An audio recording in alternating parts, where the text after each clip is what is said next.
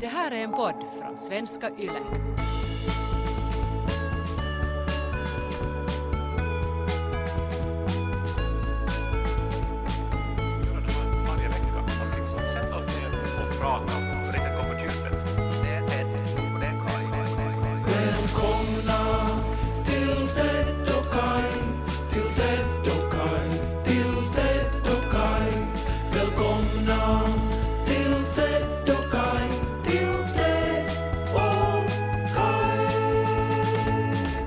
Nå, nu har det ju visat sig att Niko säkert har levt med uppfattningen att, att jag har att jag är galen på något sätt i alla dessa år.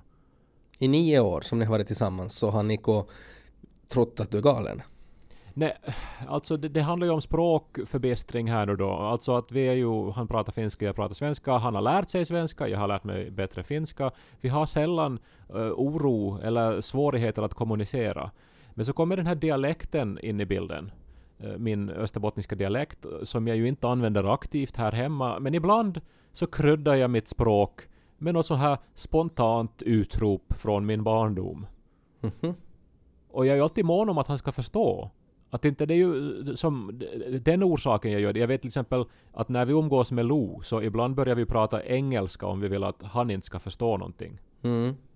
Det är ju inte det som är orsaken till att jag då med Niko ibland säger ett dialektuttryck. Nej. Snarast är det väl kärleksfullt, lite så här lekfullt. Ja, men det, det, ibland så är man ju med i situationer också där det finns ett dialektalt uttryck som på något sätt passar till det man håller på med. Och då är det ju lätt att sånt liksom, att det, det bara kommer upp sånt då. Ja, nå, men nu finns det ett sånt här uttryck så, som jag har säkert, alltså jag har ingen uppfattning om hur ofta jag har använt det, men nu är det säkert hundratals gånger under den tid vi har varit tillsammans. Stopp, stann, steady. Det brukar jag säga ibland. Ja, men det är ju sådär när dagispersonalen far iväg med barnen och så kommer man till övergångsstället så då säger man stopp, stann, steady. Alltså att nu ska, nu ska alla stanna men man säger det på ett så här roligt sätt så att alla faktiskt gör det också. Ja, det är ju, alltså det betyder ju stanna, stanna, stanna. Alltså tre olika sätt att säga ordet stanna. Stopp, stann, steady. Alla betyder samma sak. Det är ganska intressant alltså, alltså det här steady, alltså som är uppman, alltså hästed, att nå, någonting städd. Det, det, det är på något sätt mer definitivt än att någonting stannade utan att, att det är liksom att, att det, det slutade och det finns ingen chans att det kommer igång igen. Så tolkar jag ordet att det är städd. Ja, men man måste ju inte ha den här djupa förståelsen av ordet, har jag tänkt, för att kunna uppskatta uttrycket stopp, stann, steady. Jag, jag har bara tänkt att det är liksom jättetydligt bara. Eller åtminstone har jag inte reflekterat över det hela. Nej, nej men det är ju som- som en, det är som en ramsa. Tripp, trapp, troll. Ja, Det exakt. Det är ju det det är. Ja. Mm. Men, eh, och eh, det här har jag då ibland utropat här hemma, alltid då, så här lekfullt då. Och nu visade det sig, för att Niko såg det här uttrycket på en plansch, för nu görs det rätt så mycket sån här österbottnisk merchandise plötsligt. Att Mm. eh, dialektala uttryck görs på planscher och handdukar och muggar och sånt. Mm. Då såg jag att han liksom konfunderat liksom titta på det här och att det var någonting som inte riktigt stämde. Och nå, på något sätt då så eh, började vi diskutera det här uttrycket och då visade det sig att han då aldrig har förstått det här. Att han har som, jo, accepterat att det här är någonting som man säger, att det här är någonting från ett sammanhang som han inte riktigt är bekant med. Och han har som på något sätt försökt skapa en logik kring det hela under alla dessa år. Han tror att det har betytt alltså stopp, stanna där du är och städa. Äh, Ja men det är ju helt, alltså på ett sätt är det ju helt logiskt alltså. Skillnaden så skulle vara då att de skulle vara stopp, stann, städa istället för stopp, stann, steady. Ja, eh, men ändå så pass, eh, vet du, att jag har aldrig tänkt att man kan missuppfatta det på, på det där sättet. För att det där uttrycket är så automatiserat i mitt huvud. Men han har då som förstått då att okej, det här är nu då kanske något sorts österbottniskt idiomatiskt uttryck, att man ska typ reda upp i sitt eget bo eller någonting. Att, att hej, nu ska du som stanna och städa för att du har nog oordning i, i, i dina tankar eller i det som du håller på med ungefär. Att det här uttrycket har en helt annan aggressiv ton i hans värld. Eller så här att, en anklagande ton ska vi säga. Ja. Det är ju sådär liksom stopp där du är, stanna upp med vad du gör och, och tänk efter nu för att nu har du tänkt fel. ja, ta bort grandet ur ditt eget öga, satan, ungefär. Mm. Ungefär så Och, ja. Så att alltid då när jag kärleksfullt har yttrat det här då, så har han ändå känt sig anklagad. Och det här är ju hemskt, för att då börjar vi tänka, alltså, vad allting är det som vi missförstår varandra i? Kan vi någonsin prata med en annan människa med 100% förståelse? Nå, 100% är ju jättehög procent, men, men finns det sådana här risker hela tiden? Det finns det. För man påverkas ju så mycket av humör också. Uh, och, och så påverkas det ju så mycket av, av på något sätt hur situationen har varit tidigare. I morse var det en sån situation när Janika undrar någonting, det, det var någon sån här teknisk grej som hon undrar att, att ja, hur, ska hon göra om hon vill få igång det här? Och så svarar jag att ingenting har ändrat, att det är som det var senast. Och, och, och det tolkar hon liksom sådär jättenegativt. Alltså fast jag inte liksom tänkte som så utan att jag bara tänkte sådär att jo, nej, ingenting har ändrat. Det, alltså du, du vet hur man gör. Men att för att det var så känsligt för henne, alltså för att hon är medveten om att hon har frågat många gånger och hon inte lär sig hur det där funkar. Så då var det liksom sådär att hon, hon var inställd på att det skulle komma någonting negativt och så tolkades det negativt. Och om man också beaktar sådana situationer och kombinerar det med då liksom dialektala uttryck och sådär så då är det ju nästan, då kan det ju vara när som helst sånt där. Alltså nyckeln till, till det här är väl att man alltid frågar om man är osäker. Alltså att man, man inte låter det så att säga växa som någon sorts strålsvamp i ens hjärna ända tills det liksom allt är så infekterat att man att det inte går att rädda längre. Ja, så länge man är osäker och fråga. För ibland kan man ju vara så säker på, alltså att om, om Niko skulle ha uppfattat det som att ja, nu ska vi stanna och börja städa och så skulle han börja städa. Att det inte liksom, i hans huvud så skulle det inte ha gått att tolka det på något annat sätt. Så då kanske man inte ens tänker att ifrågasätta. Jag levde ganska länge i tron att såna här plastlock till takeaway-muggar eller överhuvudtaget lock till ett ämbar, att det på finska är lesi. Och jag gick ofta och frågade liksom då i kassan då att, att, att onko teillä lesie? Som alltså betyder har ni spisplattor? och, och, och de hade ju, eller som de, de svarar ju alltid som jätteunderligt på min fråga. Ja, för man jag vet, förstod det inte. man vet ju inte alltså att, att om någon kommer in i ett café och frågar om de har spisplattor så då vill den ju göra någonting med dem. Och det kanske man inte vill att den ska göra. Ja, du måste gå igenom alla framförallt så här dia- dialektidiom som du använder och så måste du bara liksom gå igenom en checklist och, och bara kolla att ja det här betyder det här Onda förbunda, Mats skute hunda. Så då måste du liksom gå igenom med Niko att vad, vad exakt det här uttrycket betyder. Vad betyder det uttrycket annars? Alltså varför skuter Mats hundar? Nej, jag, jag vet inte alltså att om, jag har på något sätt tänkt att det är hundar som är i vägen när man kommer med sin pulka. Och att om man inte flyttar på flocken så då, då skjuts de ihjäl. Eh, rimligt i och för sig i österbottniska pulkabackar. Buen purmu puut vuossar bottning, som talar sitso popna popkuun, så börjar vi popnu denna popkuun, så börjar vi lys på Ted och Kai. När vi nu är inne på det här med att eh, olika världar möts, för det är det ju på sätt och vis det handlar om här nu då, att min österbottniska språkliga bakgrund mötte en finskspråkig bakgrund och så uppstod frågetecken. Så eh, min bok eh, som eh, släpptes för några veckor sedan, så har nu då kanske mött då sitt, sitt eldprov, ska vi säga. Jaha. Och jag var ju medveten om att det här skulle ske redan i våras när jag ännu höll på att redigera boken och det fyllde mig med, med, med viss oro. Eller det, den här händelsen fick på något sätt symbolisera allt det här som jag var orolig för när det handlade om att släppa den här boken. Okej. För jag fick ett meddelande då från Överesse biblioteks bokklubb Mm. att de hade hört att jag ska släppa en ny roman i höst och de har nu bestämt att det här är boken som ska inleda deras höstsäsong. Ja. Och nu är det här då en bokklubb i min eh, gamla hemby då där eh, bland annat min mamma ingår Mm. och diakonissan och, och uh, människor som, de är, de är Essebor, du att, att vi är endera släkt eller så känner vi någon eller så har de undervisat mig eller, eller så, så känner de mam eller ja, alltså alla, allt hör ihop. Ja, liksom. nej men en, en sån här grupp människor som man ändå behandlar med en sån här respekt och artighet. Alltså att det är lite sådär kaffebjudningsfilis där man inte liksom pratar politik och religion kanske. Ja, och eh, alltså jag, jag vill ju absolut inte framstå som en som har fördomar om, om äldre människor på den öst- österbottniska landsbygden. För det har jag inte. Jag, eh, jag är ju uppväxt med sådana människor. De finns i min näromgivning. Jag älskar dem av hela mitt hjärta. Men det är ju ändå så att jag tror inte att de har läst så mycket om BDSM förr. Och Nej. inte kanske, kanske förkovra sig i det ämnet.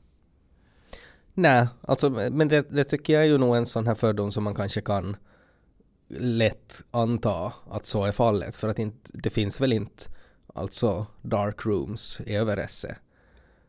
Nå, oklart. Jag minns ju det fanns såna här pörten ute i skogen där man hittade porrtidningar. Mm. Och inte vet man ju vad som uh, för sig gick där då, eller hur de här porrtidningarna hamnade dit. Nej. Eh, men, eh, men det fanns och alla kände till dem och man for dit ibland och, och bläddrade lite. Men jag tänker att när man pratar om de här pörterna i skogen med porrtidningar så tänker man väl inte på något sätt att diakonissan for dit. Det är väl det som är nog den springande punkten här. Att, Ja, att, att, att nej, och, och liksom... att om hon, om hon ville läsa sådana tidningar så tror jag nog att det ordnades på något annat sätt. Det fanns ett fack på kansliet, församlingskansliet. Något sånt. Alltså att det ändå var på något sätt det, liksom det här, det här liksom ett, ett pörte gjort av liksom kvistar i skogen så känns, känns ändå som lite annat. Människor som ville sluta med sina synder så lämna in sina syndiga tidningar till pastorskansliet Mm. och fick liksom bot då, eller alltså att de fick förlåtelse då på det sättet. Mm. Och sen blev de ju där då i något sorts så här hittegods eller något så här vet du, syndaskåp då, Mm. som bara några hade nyckel till. Ja, nej men exakt. Alltså att om man då befinner sig i en sån situation så då, då får man ju då ta fram nyckeln som man kanske har runt halsen i ett halsband Eh, och öppnar då syndaskåpet eh, och läser det man vill läsa. Att man behöver inte fara ut i skogen med gummistövlarna liksom. Ja, men jag inser ju nu när vi pratar om det här att helt säkert så, så, så har ju alla, oberoende om man är diakonissa eller eh, jordbrukare eller vad man nu är, alltså var man än bor så nu har man ju ändå på något vis under sitt liv hunnit tänka, leva sig in i och fantisera om olika saker. Så att jag, jag, jag är nog faktiskt, jag inser att jag är fördomsfull här, nog, säkert. Ja. Men oron satt ändå djupt.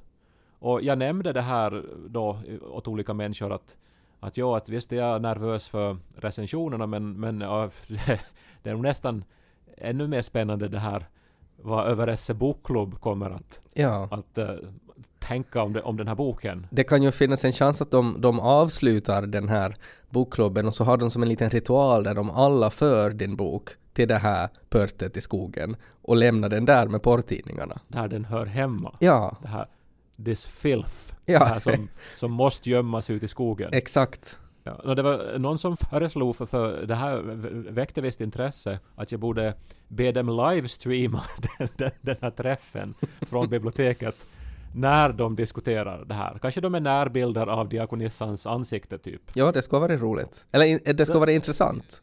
Ja, alltså intressant ja, för att ändå så är det på något vis eh, världar som möts då, eller någonting. Mm. Eller fördomar som skingras, vem vet? Mm. Men nu då för en vecka sedan, ganska exakt, så inträffade då den här träffen. Bokklubben sammanträdde, alla hade läst eh, Kai Korkeahos nya roman och nu skulle man samlas och diskutera och det här, ja, säga då vad, vad man tyckte. Nu är det ju speciellt också, tänker jag, för din mamma som är med i den där gruppen. Eh, att, att också sådär Alltså beroende på hur diskussionen går så, så kan hon ju då upplevas att hon, ska hon försvara, ska hon hålla med liksom? Nå till saken hör att, eh, och, och jag inser ju nu när jag säger det här att, att det kan ju förklara saken, men mamma var med om en mystisk cykelolycka och bröt benet, så hon kunde inte vara med. Okej! Hon har, hon har varit äh, invalid nu ett tag Ja. och återhämtar sig bra, läkningen går bra och hon Ja. mår bra. Men, men hon var faktiskt då inte, inte med då för en vecka sedan. För att hon har brutit benet. Ja, Är din mamma ofta och cyklar? Cyklar sån här Nej. mountainbike och sånt där så där man kan bryta benet?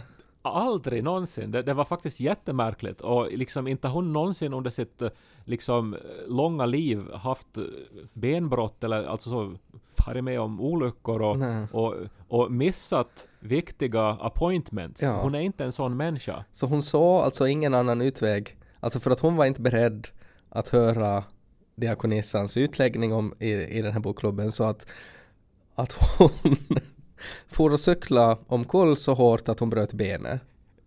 No, alltså det slår ju mig nu att, att, att, att it makes sense på något sätt. Eh, så här. Men, och att det måste, men- vara, men- det måste vara liksom av den, alltså så allvarligt ändå för att annars är man ju sådär att om hon bara bryter fingret eller bryter armen eller någonting så nu kan man ju ändå delta i en bokklubb men att om man på riktigt har svårt att ta sig från ställe till ställe så då, då är det, alla är sådär att nej men hon kunde nog inte komma. Att det förstår vi nog, hon har ju brutit benet.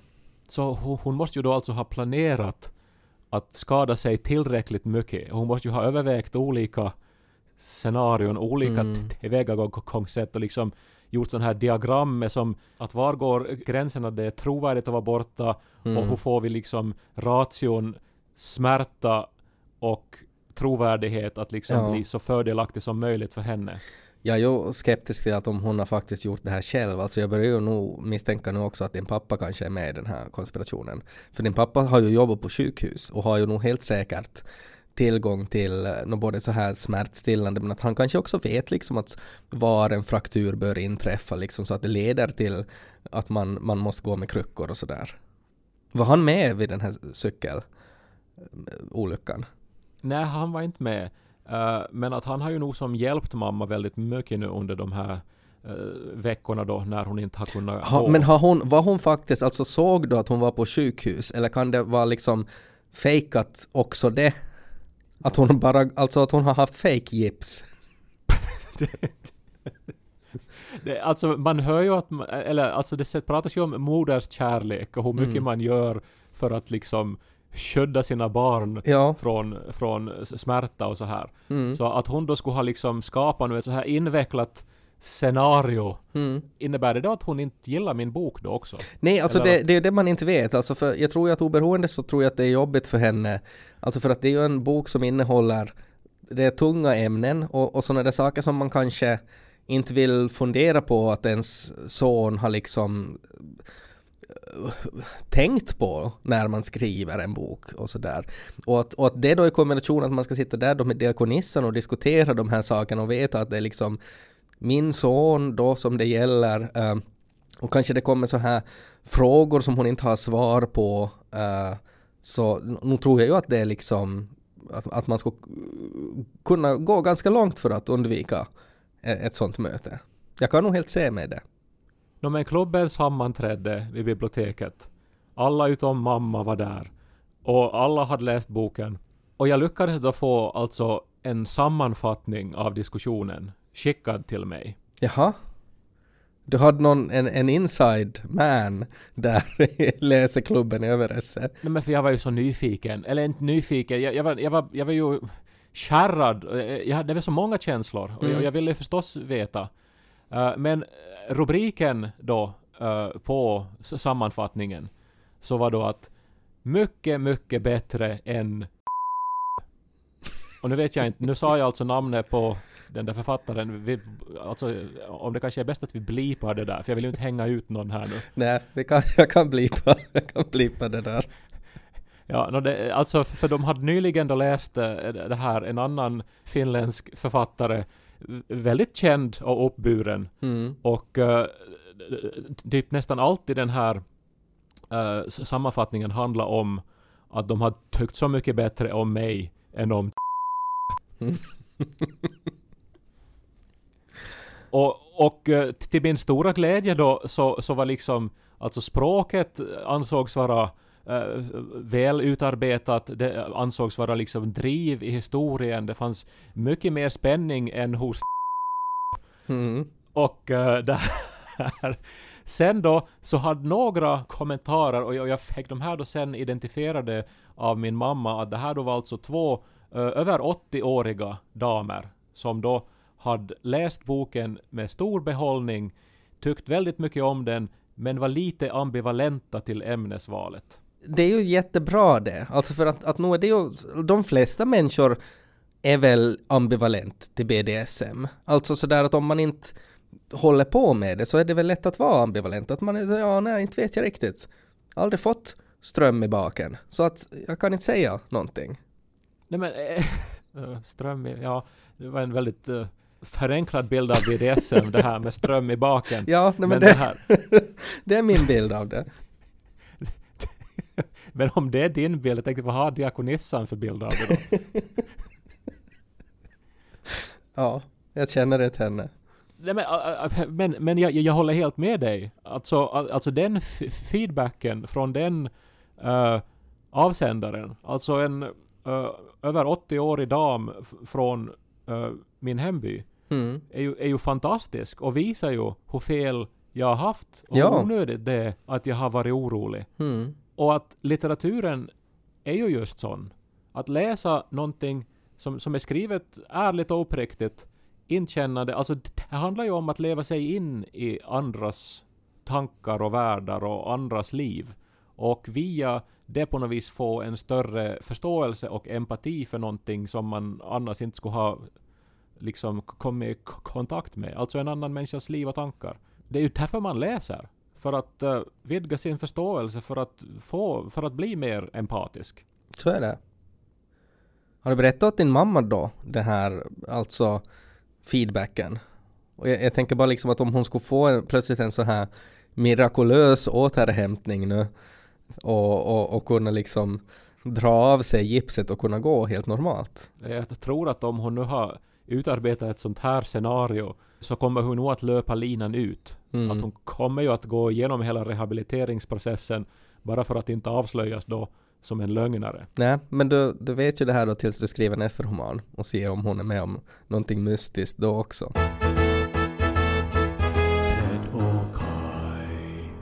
Men så här på tal om din bok, Kai, så såg jag på en eh, stream där du blev intervjuad av Mark Levengood. Tror någon postade den i omklädningsrummet också, man kan se den här intervjun där. Ja, och sen har du väl varit på någon, det var, du har varit på någon festival med honom.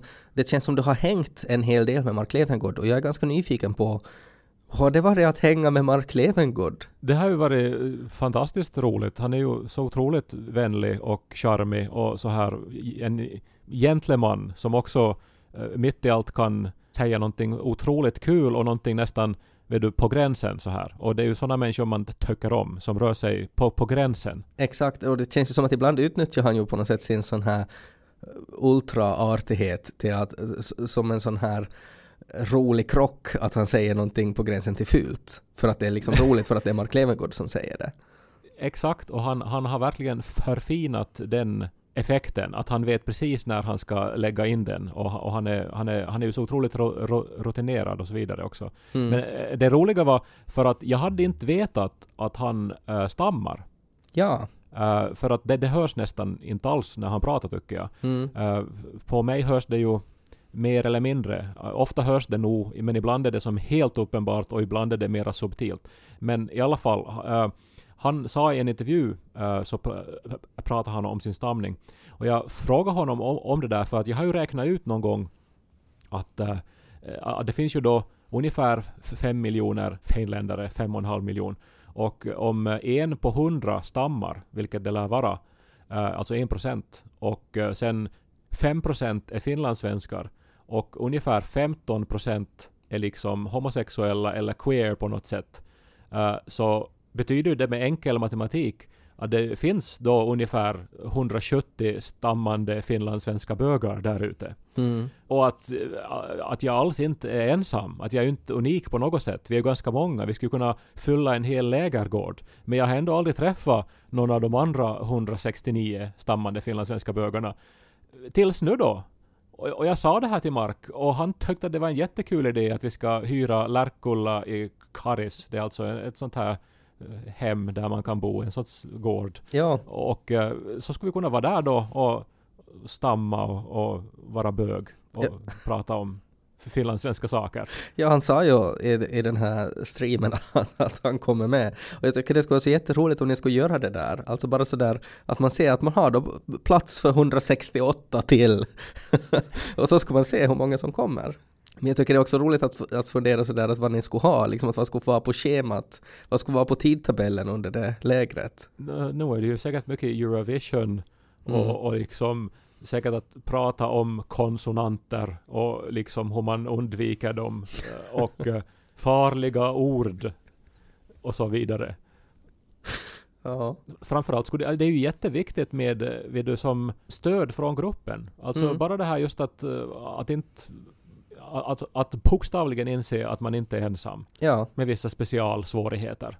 Det är ju jätte så här skönt. men det är ändå häftigt med Mark Levengood. Alltså du pratar ju om Mark Levengood som att han skulle vara en helt vanlig människa. Och det är han ju inte, utan att han är ju, jag menar, han är ju en person vi har sett på TV i hela våra liv. Och han är ju på något sätt en person som har uppnått liksom att han är, att han blir igenkänd på gatan i liksom i två länder.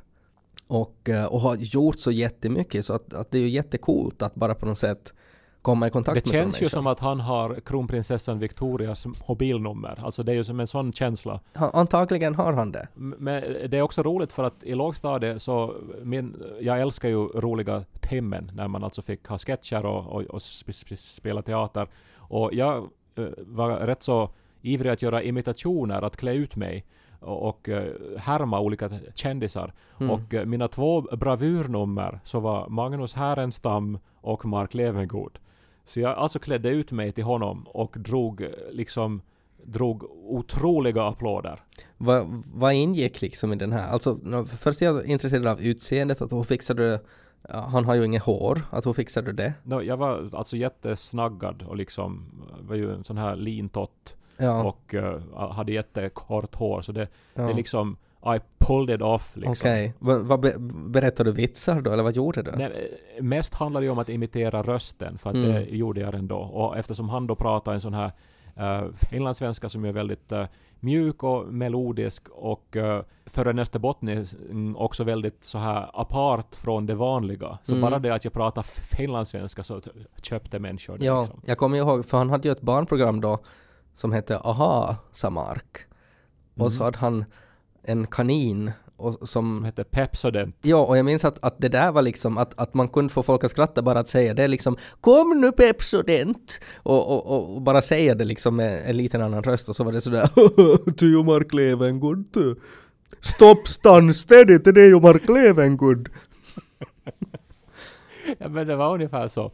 Men det var helt uh, ljuvligt att, uh, att få umgås lite med honom. Och uh, sen är ju också hela den här grejen med, med att han ju var i bräschen för att Alltså att han var öppet homosexuell så tidigt. Att det var ju redan just när jag gick i lågstadiet och ännu inte kanske var helt medveten om att jag var homosexuell. Men att han var ju typ den enda man kände till. Alltså, som var, alltså han och hans man Jonas Gardell, de var ju öppna Hmm. och eh, omskrivna och liksom kända redan då. Och av olika orsaker men också för att de var ett par.